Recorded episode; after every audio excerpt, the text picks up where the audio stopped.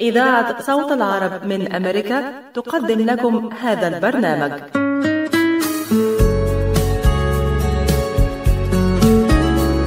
القهوة عالم يجمعنا بناس نشوفها نحبها ومن جوه قلوبنا تفوت. قلوبهم دايما شايلة حكاوي وذكريات. هنشاركها معاهم مع فنجان قهوة. فنجان قهوة لقاء من إعداد وتقديم مروة مقبول أهلا بمستمعينا في كل مكان ولقاء يتجدد مع فنجان قهوة. نأتيكم دائما مستمعينا بفقرات مميزة وتقارير حصرية. نستمر معكم من الآن وعلى مدار الساعة على صوت العرب من أمريكا. ويسعدني أن أكون معكم مروة مقبول. تعتبر القضية الفلسطينية من أهم القضايا التي شغلت بال العالم العربي حيث تم طرح القضية وتفاصيلها سواء في أعمال فنية أو أعمال درامية بالإضافة إلى طبعا الأعمال الأدبية. وهناك قائمة طويلة من الروايات العربية التي تحدثت وتناولت بين طيات صفحاتها القضية الفلسطينية ومعاناة شعبها حيث كان لتلك القضية تأثير على الوعي العربي. وحمل أكثر من روائي على عاتقهم مسؤولية إبراز القضية الفلسطينية ورصدوا خلال أعمالهم الأدبية مشاهد المعاناة اليومية التي يعيشها الفلسطينيون. ومن تلك الروايات قدم الروائي والصحفي الفلسطيني غسان كنفاني رواية رجال من الشمس والتي تم إصدارها عام 2013 حيث ترصد هذه الرواية الصوت الفلسطيني الذي عاش طويلا في حالة من عدم الاستقرار. ويقول كنفاني رجال من الشمس هي الصوت الفلسطيني الذي ضاع في خيام التشرد وتعتبر اطارا رمزيا لعلاقات متعددة تتمحور حول الموت الفلسطيني وحول ضرورة الخروج منه.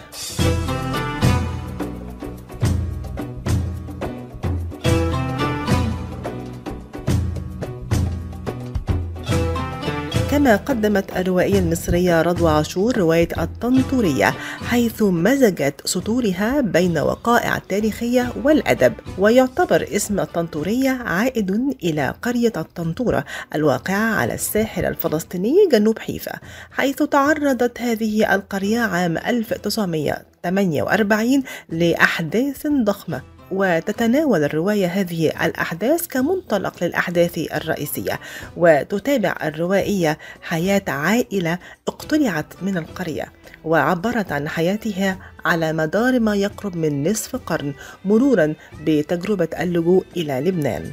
كما قدم الروائي اللبناني إلياس خوري واحدة من أشهر الأعمال الروائية التي تم تحويلها إلى فيلم سينمائي من إخراج يسري نصر الله. وتحدث خوري خلال أحداث الرواية عن القضية الفلسطينية في فترة التسعينيات حيث تحدث عن قصة يونس الأسدي الذي يعيش في أحد مخيمات اللاجئين ويتسلل للعودة إلى فلسطين لمقابلة زوجته نهيلة في باب الشمس.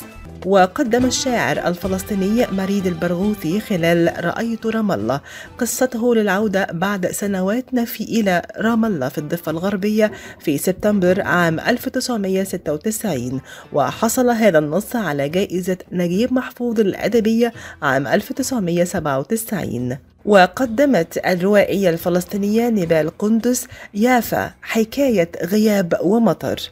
وتحكي هذه الرواية حكاية يافا الفتاة الفلسطينية وما تحمله من حكاية كبيرة تخبئها خلف عزلتها. هذا البرنامج يأتيكم برعاية حكيم عيونها فهم في العين وافهم كمان في ومن بمثل خبرة الدكتور عماد نقاش أستاذ الطب وجراحة العيون في جامعة وين. خبرة طويلة في التعامل مع أمراض العيون وجراحتها عمليات تعديل وتصفية النظر إزالة الماء الأبيض والأسود الجلوكوما وتصحيح النظر من أثار مرض السكر.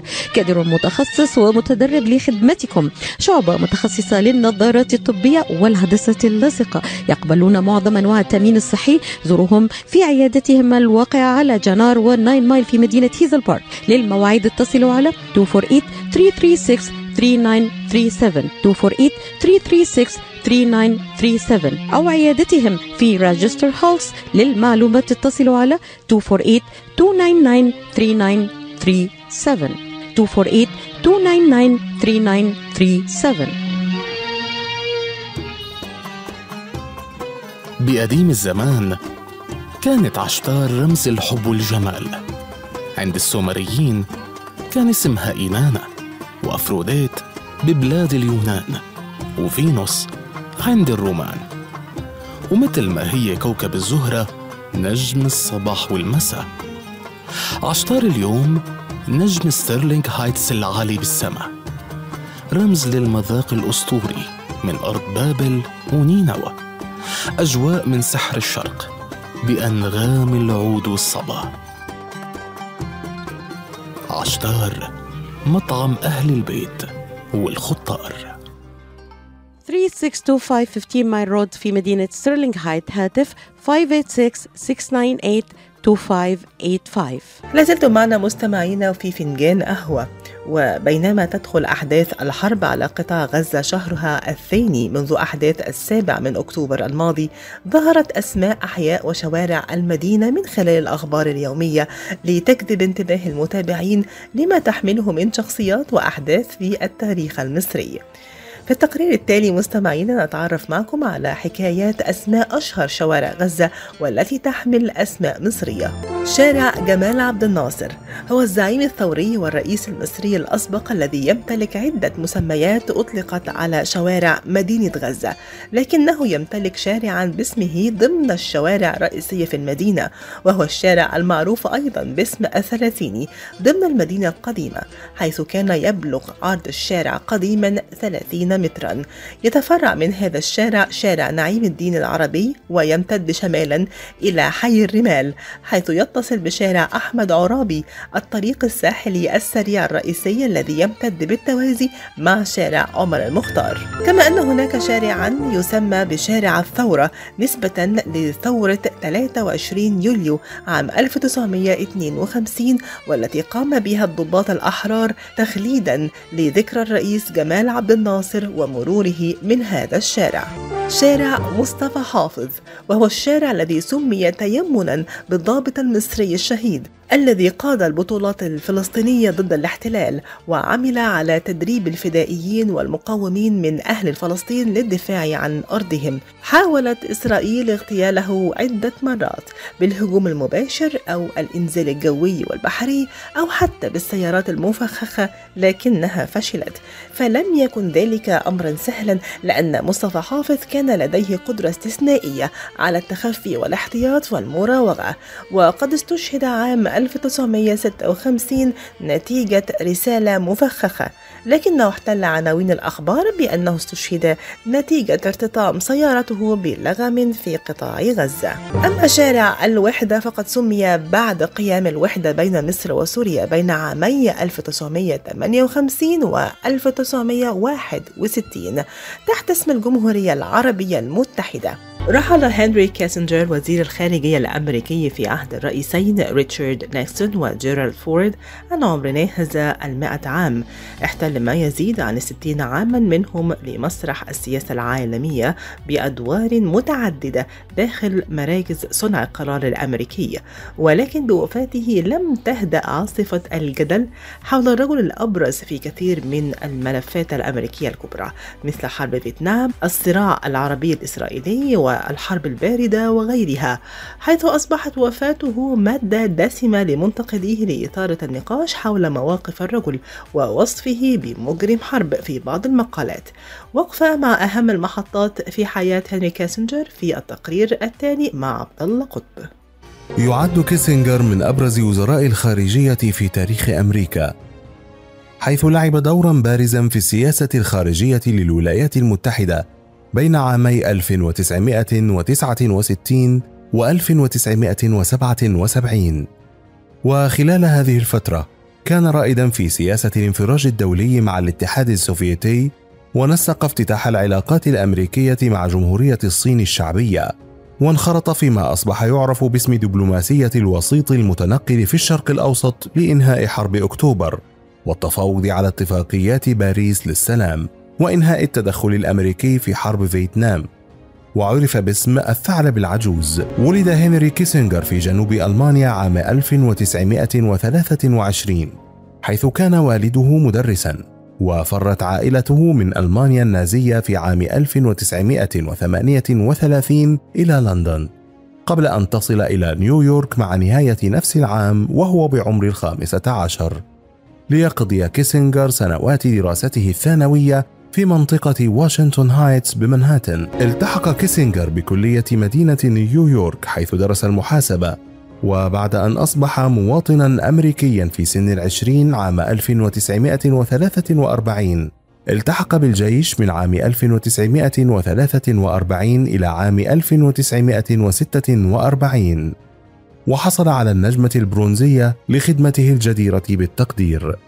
وكذلك انضم بعد ذلك إلى فيلق الاستخبارات المضادة في ألمانيا حتى عام 1959 حصل على درجة الماجستير والدكتوراه من جامعة هارفارد حيث قام بتدريس العلاقات الدولية لمدة عشرين عاما تقريبا. عمل في البداية كمستشار للسياسة الخارجية بين عامي 1969 و 1973 ولاحقا كوزير خارجية للرئيس ريتشارد نيكسون وخليفته جيرالد فورد بين عامي 1973 و 1977 كان بذلك أول وزير خارجية مولود خارج الحدود بتاريخ الولايات المتحدة الأمريكية. كما أصبح خلالها شخصية ذات نفوذ وثقل في السياسة الدولية. ساهم في نزع فتيل التوتر بين الولايات المتحدة والاتحاد السوفيتي سابقا من خلال اتفاقيات للحد من التسلح الاستراتيجي وإطلاق زخم العلاقات الأمريكية مع الصين وضمها لمعسكر الدول المؤيدة للأمريكيين في خضم الحرب الباردة. وبفضل هذه الاستراتيجية مهد كيسنجر لزيارة الرئيس الأمريكي ريتشارد نيكسون لجمهورية الصين الشعبية ضمن ما وصف بأول زيارة رسمية لرئيس أمريكي لبكين خلال حرب 1973 ساهمت جهوده برفع الحظر النفطي المفروض على الدول الداعمة لإسرائيل والتوصل لاتفاق لإنهاء الحرب بين مصر وإسرائيل. ولتوقيعه وقف إطلاق النار في حرب فيتنام منح جائزة نوبل للسلام مع الفيتناميين الشماليين في عام 1973 في واحدة من أكثر الجوائز إثارة للجدل في تاريخ نوبل. وبعد مغادرته منصبه ظل على مدى العقود الأربعة الماضية حاضرا على الساحة حيث قدم استشارات جيوسياسية لعشرات من الزعماء والقادة والحكومات في مختلف أنحاء العالم دون الكشف عن أسمائهم. وذلك من خلال شركته الاستشارية كيسنجر أسوشيتس بعد أن أنهى خدمته الحكومية في عام 1977 عقب فوز جيمي كارتر بالسباق الرئاسي ليحل بدلا منه السياسي سايروس فانس. كما ألف كيسنجر 21 كتابا حول أهم قضايا الأمن القومي. لكن صورة الرجل ذي الصوت الأجش واللهجة الموروثة من أصوله الألمانية ما زالت مرتبطة بصفحات مظلمة في تاريخ الولايات المتحدة. فقد كشفت وثائق الأرشيف الوطني الأمريكي التي نشرت بعد أربعين عاما أن كيسنجر كان مسؤولا عن مقتل ما لا يقل عن أربعة ملايين شخص في جرائم حرب كما حدث في دعمه للانقلاب في كمبوديا وتشيلي في عام 1973 وإعطائه الضوء الأخضر لإراقة الدماء في إندونيسيا في تيمور الشرقية عام 1975 وإراقة الدماء الباكستانية في بنغلاديش. ظل السياسي الراحل نشطا حتى عيد ميلاده المئة. وفي الآونة الأخيرة ركز اهتمامه على الآثار المترتبة على الذكاء الاصطناعي وكان ضيفا متكررا مع وسائل الإعلام وفي حلقات النقاش والكتابة والسفر إلى الخارج. قدم لكم هذا التقرير عبد الله قطب. هذا البرنامج يأتيكم برعاية حاولنا كتير. خلينا نحاول كمان مرة الكلفة كبيرة والاحتمال ضعيف. يعني ما في أمل؟ للأسف حبيبتي. هنالك أمل لدى مركز إخصاب IVF ميشيغان الذي صنف من بين أفضل خمسين عيادة إخصاب في أمريكا. وفق مجلة نيوزويك لعام 2023 ويعتبر الدكتور نيكولاس شما مؤسس مراكز IVF ميشيغان وأوهايو من أهم اخصائيي العقم في أمريكا حيث أجرى أكثر من عشرين ألف عملية طفل أنبوب ناجحة. حققت حلم الأبوة لكثير من الآباء والأمهات. وهو حاصل على البورد الأمريكي في أمراض النساء والتوليد والعقم والغدة الصماء التناسلية. الآن ولفترة محدودة. خصم ألف دولار للحالات المؤهلة لإجراء عمليات في عيادات IVF ميشيغان لمزيد من المعلومات يرجى الاتصال على 2489 اي في اف أمل يولد من جديد. بين الأنقاض وركام الأبنية داخل خيمة شيدت على عجل بجانب سرير في مشفى ميداني. كانت منظمة الحياة للإغاثة والتنمية من أول الواصلين لمساعدة ضحايا زلزال تركيا وسوريا. وفي الذكرى الثلاثين على تأسيسها ما زالت تساعد ضحايا الزلزال والمتضررين من الكوارث الطبيعية في 36 بلدا حول العالم دون تمييز بين عرق أو جنس أو دين ودون اقتطاع أي رسوم إدارية على تبرعات الاستجابة الطارئة. تبرع الآن لتبث الأمل في حياة كثير من المتضررين والمحتاجين من خلال منظمة الحياة للإغاثة والتنمية التي تم اختيارها من أفضل تسعة مؤسسات خيرية حول العالم لعام 2022 تبرعوا الآن على الرقم 1-800-827 3543 أو زوروا موقعهم الإلكتروني لمزيد من المعلومات على www.lifeusa.org Life for Relief and Development حيثما توجد الحياة يوجد الأمل.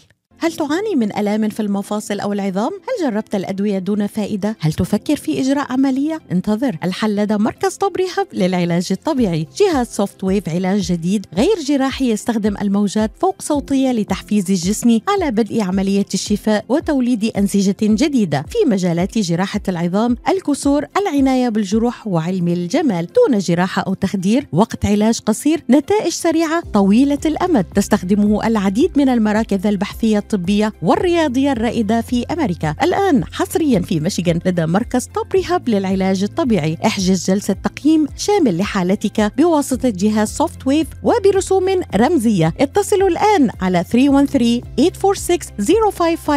Top Rehab Physical Therapy بإدارة أخصائي العلاج الطبيعي الدكتور محمد فرح حسين بخبرة أكثر من 20 عاما. اتصلوا الآن واحجزوا 313-846-0555 احتفى موسم الرياض بالموسيقار المصري الكبير رياض السنباطي من خلال تنظيم حفل يحمل اسمه بالتزامن مع ذكرى ميلاده الموافق 30 نوفمبر عام 1906 بينما كشف نجل الصنباطي عن استعداد الأسرة لإصدار كتاب سيتناول قصة حياة والده من جوانب مختلفة بما فيها فترة خلافه مع أم كلثوم بطريقة تتسم بالمصداقية على حسب قوله. يأتي الحفل ضمن سلسلة حفلات تنظمها هيئة الترفيه السعودية لرموز الموسيقى والغناء في العالم العربي لإعادة تقديم تراثهم الموسيقي بأصوات كبار المطربين. وشارك في الحفل مجموعة من النجوم منهم شيرين عبد الوهاب صابر الرباعي أحمد سعد مي فاروق ريهام عبد الحكيم إيمان عبد الغني والمطرب المغربي فؤاد زبادي. قدموا مجموعة من أجمل روائع السنباطي السنباطي الذي ترك إرثا من الألحان المميزة وصل إلى ألف لحن في رصيده الفني وكانت حصة أم كلثوم منها 282 أغنية وقصيدة تضم أيقوناتها الشهيرة. أراك عصي الدمع لسه فاكر حيرت قلبي معاك أقول لك إيه عن الشوق؟ ليلي ونهاري طوف وشوف والأطلال. كما ترك السنباطي بصماته في مسيرة عدد كبير من المطربين والمطربات من بينهم فايزة أحمد ومياد الحناوي وردة عزيزة جلال وسميرة سعيد. ونال في حياته تكريمات عدة وحاز على وسامي الفنون والاستحقاق من الرئيسين جمال عبد الناصر وأنور السادات. محطات هامة مستمعين في مسيرة الملحن الراحل رياض السنباطي يحكيها لنا بحار الفنون وجيه ندى في حلقة جديدة من حكايات فنية جدا. أحبائي مستمعي إذاعة صوت العرب من أمريكا. ومع تحيات بحار كل الفنون وجيه ندى الفنان رياض السنباطي. هو محمد رياض محمد السنباطي مواليد فرسكور عام 1906 وحكايته الفنية على الساحة إنه عاش رياض السنباطي شغال في فرقة والده والخاصة بالسهرات الدينية والموشحات زي زمان برضو أم كلثوم مع والدها. وكانت الفرقة بتروح طبعا لكل أرياف مصر. وتمر السنين وفي موسم 1936 كان أول أفلام أم كلثوم وداد. وغنى في أحداث الفيلم المطرب عبد السروجي ومن ألحان رياض السنباطي لحن على بلد المحبوب والديني صوت وصورة. ومن هنا أعجبت أم كلثوم باللحن وطلبت من رياض إنه يسجله ويطبعه بصوت أم كلثوم على الاسطوانات. وبالطبع نفذ رياض السنباطي طلب أم كلثوم والأول مرة بتطلب منه حاجة زي دي. وكان الخلاف بين السنباطي وعبد السروجي طيلة حياتهما الفنية. لا ده تعامل مع ده ولا ده تعامل مع ده. وبرضه حصل خلاف بين كوكب الشرق والسنباطي إمتى؟ في موسم 1962 لما رياض قدم لحن يا ناسيني وأنا عمري ما أنسى حبك للمطربة شهرزاد وصاحبها بالعود على المسرح مما طبعا أغضب أم كلثوم حوالي أربع سنين من رياض السنباطي متعللة بقى وبتقول له إنك ما بتقعدش ورايا بالعود رايح تقعد ورا المطربة الحديثة دي الموسيقار الكبير رياض السنباطي عمل في بداية حياته الموسيقية مدير فني لشركة أوديو الاسطوانات في مواسم 34 و 1935 وغنى من ألحانه مين عبد الغني السيد ونجاة علي وأحمد عبد القادر. وبعد الصلح والتعاون الموسيقي بين أم كلثوم والسنباطي عرضت عليه كلمات قصيدة إيه الأطلال. وبعد فترة عرض عليها اللحن لكن أم كلثوم اعترضت على قفلة الكوبليه الأخير. يا حبيبي لا تقل شيئا فإن الحظ شاء. قالت له طبقة عالية وعايزاك تعدلها. وهنا طبعا غضب السنباطي ورمى العود واخد نفسه وطلع من فيلتها وهي طبعا بتتعامل مع ألحانه حوالي أكتر من 40 سنة. وبالفعل صمم الملحن إن هي تغنيها المطربة وبدون تعديل. وبالفعل حققت القصيدة نجاح موسيقي كبير وأداء على الساحة. وكان رياض السنباطي قدم ألحان 103 أغنية موسيقية ومنهم الألحان الوطنية. اجمع يا مصر وأنشودة مصر. والله معك وحق بلادك وبطل السلام والفجر الجديد ويا حبنا الكبير وحبيب الشعب وصوت الوطن. والألحان طبعا العاطفية لأم كلثوم اللي ما تتنساش أغاروا من نسمة الجنوبي وأقبل الليل والحب كده والقلب يعشق كل جميل وجددت حبك ليه وحيرت قلبي معاك ودليل إحتار وشمس الأصيل وعودت عيني وليلي ونهاري ولسه فاكر هجرتك وغيرهم. طبعا المعروفة إلى عرفات الله والثلاثية المقدسة ونهج البردة وولد الهدى ويا. الفيحاء. الله. وزي أم كلثوم ما غنت من ألحان الموسيقار الكبير رياض السنباطي برضه غنى المشاهير من المطربين والمطربات. ولا ننسى الحانه لنجوم الطرب إبراهيم حمودة ودويتو أنا وأنت مع مين؟ مع أم كلثوم وفي المعايدة. وغنى سعد عبد الوهاب أحبكم يا بنات اليوم وأحداث فيلم أخت ستيتا. وقطعني حتت وكلمات حسن توفيق. وغنى عبد السروجي ليه يا حبيبي كتر الأسية يا بدر في حياتنا من نظم عبد الباسط عبد الرحمن. وغنى عبد الغني السيد من ألحان وموسيقى رياض السنباطي أهم العيون. وغنى عادل مأمون من موسيقى البارع رياض السنباطي لحن كنز الهنا. من نظم مأمون الشناوي وغنى عبد الحليم حافظ لحن الوفاء دويتو مع شادية. وفي فيلم إيه؟ ليالي الحب غنى فاتوني ألتقي وعدي لصالح جودت. وغنى فايد محمد فايد بلادي يا غالية. وغنى كريم محمود أنا وحبيبي سوا لأحمد رامي. وفي فيلم لسانك حصانك. وغنى محمد عبد المطلب أشهر ألحانه مخاصمنا ومش بيكلمنا. لو أقدر على بعدك وغلبني شوقي إليكي وشفت حبيبي وفرحت معاه. وغنى طبعا محمد سلامة يا غايبين عني لمأمون الشناوي عام 1953 وغنى محرم فؤاد أحرار ولاد أحرار لمأمون الشناوي. وبرضه ما ننساش ألحانه للمطربة إسمهان في فيلم غرام وانتقام عام 1944 قصيدة أيها النائم عن ليلة سلاما. ونشيد الأسرة العلوية أنا بنت النيل وقصيدة حديث عينين خلال أحداث فيلم انتصار الشباب. وغنت رجاء عبده مجموعة أغنيات أصل اشتباكي مع المحبوب. واجري ورايا وحلمت خير في منامي وفي فيلم الأبرياء. وغنت سعاد مكاوي هتروق وتحلى لعبد العزيز سلام.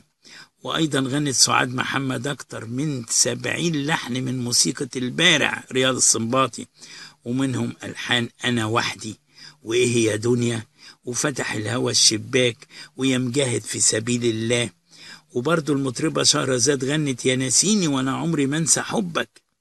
واديني من وقتك ساعة وحكاية المنديل أفكر فيه وينساني. وغنت شادية أشهر ألحان رياض السنباطي وعددهم 8 ألحان فقط. ثلاث شهور ويومين اتنين ولحن الوفاء مع طبعا عبد الحليم حافظ. وغنت شريفة فاضل أحبك ليه؟ مدام قاسي وسيبك وخليك بعيد. وإيه بقى اللي اتغير فينا؟ ومن أشهر ما غنته صباح حسدني ليه على حبك. وراحت ليالي وجت ليالي. ومحتارة يا ربي والليل لنا. وغنت فتحية أحمد. طلع الفجر يا حبيبي والآك مفتون. وترنمت طبعا بألحان رياض السنباط المطربة فايدة كامل. اتصالحنا أنا وأنت وهو أول كتابات المؤلف مصطفى الدمراني. وعايزة سامحك والأغنيات الوطنية شبر واحد وراية العرب وفي الطريق ومالي سواك لعلي الفقي.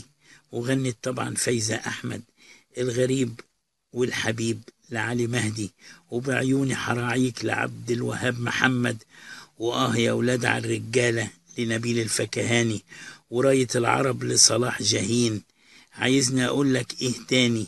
لا يا روح قلبي أنا لحسين السيد. وطبعا غنت المطربات طبعا ليلى حلمي من ألحان طبعا الموسيقار الكبير رياض السنباطي وليلى مراد وملك محمد. ونادرة أمين ونجاة علي ونور الهدى ونجاح سلام وغيرهم.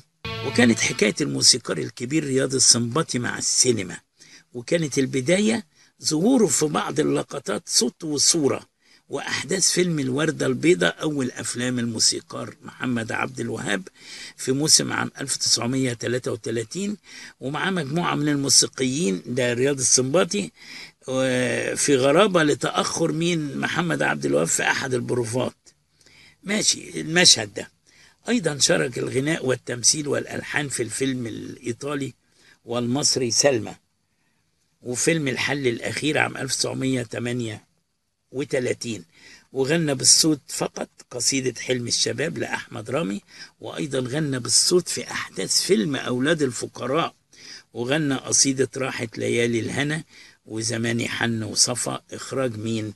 إخراج يوسف وهبي عام 1942 ولا أحد يغفل طبعا البطولة الوحيدة أمام النجمة هدى سلطان. وفيلم حبيب قلبي من إخراج حلمي رفلة. وكان العرض 3 نوفمبر عام 1952 وشارك التمثيل ومعاهم مين؟ محسن سرحان. وفردوس محمد وفرج النحاس ووداد حمدي وفؤاد فهيم والطفلة نادية الشناوي وعلي عبد العال. وكانت الأغاني من نظم مين؟ حسين السيد. وغنى الموسيقار رياض السنباطي بقى. ما هو نجم سينمائي أهو. غنى فاضل يومين وعلى عودي. وغنت هدى سلطان ورد وياسمين. وأول ما عينيه جت في عيوني. وشاركوا في دويتو في دويتوهات. اشمعنى يا ناس؟ وبتبكي ليا نغم. آه وكان العرض بدار سينما مترو باسكندرية. ابتعد رياض السنباطي عن السينما واكتفى بالبطولة الأولى والأخيرة في حياته الفنية وظل يقدم ألحانه لكل النجوم والنجمات ولا أحد يخفى اللحن راحت ليالي وجات ليالي لصباح. وأيضا إن كنت ناسي أفكرك لهدى سلطان. وطبعا لأم كلثوم جددت حبك ليه والقلب يعشق كل جميل وأقبل الليل وأغار من نسمات الجنوب على محياك. وحنسيبك للزمن وحيرت قلبي معاك وشمس الأصيل دهبت خوس النخيل من نظم مين بيرم التونسي. وهجرتك يمكن أنسى جفاك. وفي حياته الموسيقية منحه الرئيس محمد أنور السادات الدكتوراه الفخرية وقدم له شهادة من اليونسكو كأعظم موسيقار خدم الموسيقى. وفي هدوء تام غادر عالمنا الموسيقار الكبير رياض السنباطي يوم الأربعاء 9 سبتمبر عام 1981 عن 75 عام. رحم الله قدر عطائه الفني وإلى الحلقة الفنية التالية لمحب إذاعة صوت العرب بأمريكا وخالص تحيات بحار كل الفنون وجيه ندى. هذا البرنامج يأتيكم برعاية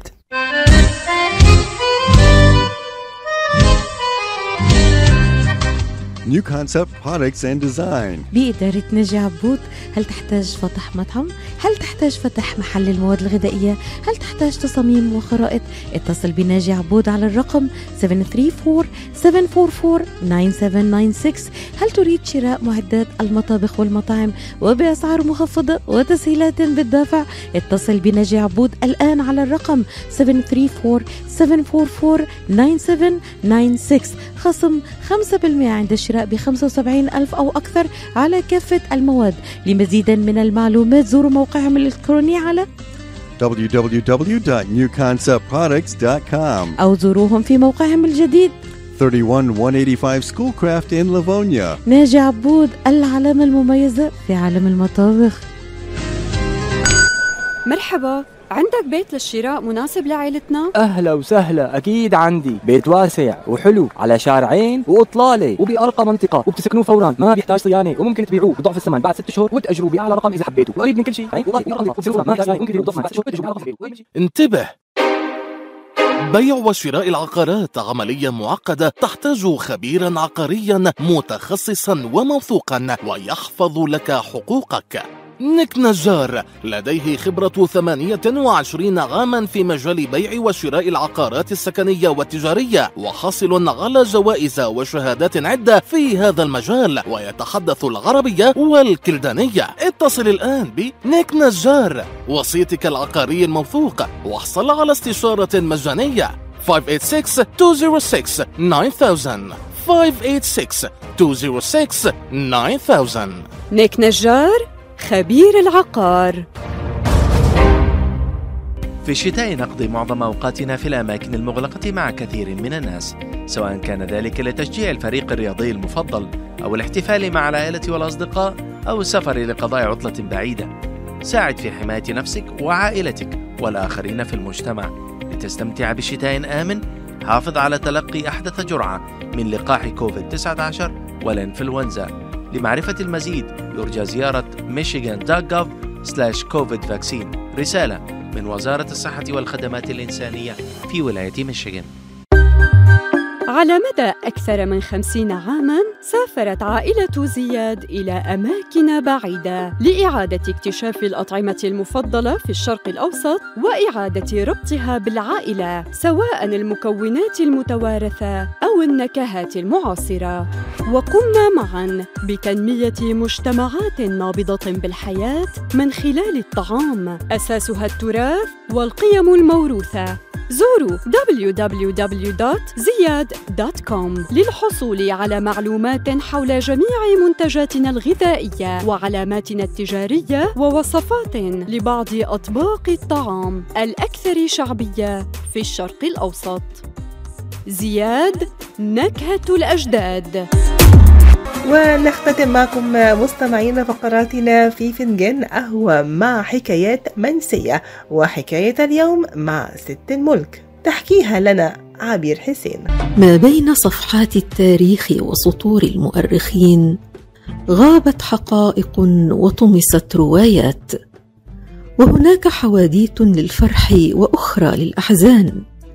مرت عليها العصور والأزمان فأصبحت اليوم في طي النسيان. فجئنا نتذكرها معا ونحكيها في حلقة جديدة من حواديت منسية. وحلقة اليوم بعنوان ست الملك. كان يا مكان في قديم قديم الزمان وفي يوم من ذات الأيام. عندما عندما مات الخليفة الفاطمي الخامس العزيز بالله خلف وراءه ولدا وبنتا. الولد هو الحاكم بأمر الله والبنت هي الأميرة ست الملك. وست الملك كانت مدللة أبيها وأثيرته وكان أبوها الخليفة الفاطمي العزيز بالله دائما ما يدللها ويحيطها بكل أسباب الترف والرفاهية لدرجة أنه خصص لها وحدها قصرا كبيرا جميلا ملأه بالخدم والعبيد والجواري المخصصين لخدمة ابنته المدللة الأميرة ست الملك. كما أنه خصص لها فرقة عسكرية خاصة تحميها وتحرسها وكان يطلق عليها اسم فرقة العطوفية. ذلك لأنه كان يدربهم أحد خدام الأميرة ست الملك وكان اسمه عطوف. وست الملك كانت تتميز برجاحة العقل والرشد وتتميز بالحكمة الشديدة كما أنها كانت صاحبة هيبة واحترام وحزم وشدة. لذلك كانت محل ثقة أبيها الخليفة العزيز بالله وخزينة أسراره كما أنها كانت أهم مستشار لأبيها الخليفة مما أكسبها خبرة كبيرة في إدارة شؤون الحكم وأحوال الخلافة. ولما مات الخليفة العزيز بالله ورثه في الحكم ابنه الحاكم بأمر الله والذي كان يصغر أخته ست الملك بحوالي ستة عشرة عاما. مما أثار مطامع الوزير برجوان في الوصول للحكم. وبالفعل وضع برجوان يده على مقاليد الحكم في الخلافة الفاطمية وكاد أن يأخذ الحكم لنفسه. وهنا ظهرت الشخصية القوية الحازمة للأميرة ست الملك التي أقسمت الا يهدم أحد ايا كان ما بناه آباؤها وأجدادها من ملك وسلطان في مصر والشام. لذلك وقفت بكل قوتها في ظهر أخيها الحاكم بأمر الله واستعانت بالمخلصين من كبار الوزراء والقادة حتى استطاعت استرداد مقاليد الحكم من الوزير الخائن برجوان. ومكنت أخاها الحاكم بأمر الله من كرسي الخلافة الفاطمية ومن مقاليد الأمور في البلاد. وبعدها دبرت هي وأخيها الحاكم بأمر الله خطة محكمة استطاعوا بها قتل الوزير برجوان والتخلص منه للأبد. ولكن أخاها الحاكم بأمر الله جاء أسلوبه في حكم البلاد مخيبا لكل الآمال. وطالما تضاربت آراؤه وقراراته وطالما اتبع أهواءه وضلالاته حتى عانت البلاد خلال فترة حكمه التي استمرت خمسة وعشرين عاما من الظلم والبلبلة والتدهور والتخبط والانهزام. وطالما حاولت أخته الأميرة ست الملك إصلاح ما يفسده أخوها الحاكم بأمر الله بسبب تهوره واندفاعه وتخبطه وطالما كانت تخلص له النصح والتوجيه إلا أنه كان ينفر من نصحها ويرفض تدخلها ويتمادى في جنونه وتهوره حتى كاد أن يدفع البلاد والعباد إلى هاوية الهلاك. وفي ليلة من الليالي صعد الحاكم بأمر الله كعادته إلى جبل المقطم ليلا. ليتأمل الفلك ويتابع النجوم. وإلى يومنا هذا لم يعد ولم تظهر جثته أبدا.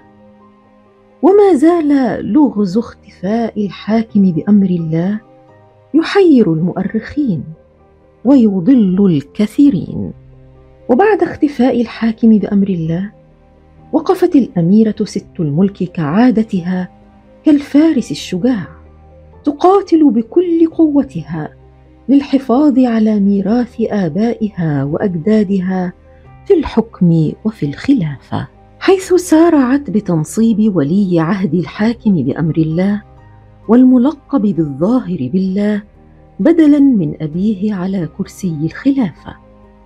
وبالرغم من حداثة سنه وقلة سنوات عمره الخمسة عشر إلا أن ست الملك أصرت الا يجلس على عرش الفاطميين إلا أمير من نسل الفاطميين. بينما قامت هي بنفسها بدور المدبر الحقيقي لشؤون الحكم والبلاد. وراح الخليفة الصغير الظاهر بالله يستمع لنصائح عمته ست الملك وينفذ مشورتها. وبوحي منها أصدر الخليفة الظاهر بالله قرارات من شأنها إصلاح كل ما أفسده أبوه الحاكم بأمر الله. وتم إصدار مراسيم جديدة تدعم ركائز الدولة وتحسن من أحوال البلاد والعباد في جميع المناحي الاقتصادية والسياسية والاجتماعية. وهكذا استطاعت ست الملك كسب قلوب الرعية في صف الحاكم الفاطمي والخلافة الفاطمية مرة أخرى. وعندما ترامى إلى مسامعها محاولة والي حلب في الشام الخروج عن سيطرة الفاطميين والاستقلال بحلب ومن ورائها الشام استطاعت بفطنتها وذكائها وحسن حيلتها أن تحتال عليه بالهدايا والأموال والعطايا حتى تراجع عن ثورته وتمرده. ثم قامت بعدها بإرسال أحد عبيدها إليه ليقتله ويتخلص منه. وبذلك قضت على الفتنة في الشام. وهكذا استمرت الأميرة ست الملك بكل حزم وذكاء وبكل دهاء وحكمة في إصلاح شؤون البلاد والعباد بهدف توطيد أركان الدولة الفاطمية في مصر والشام والحفاظ على ميراث أجدادها من ملك وسلطان.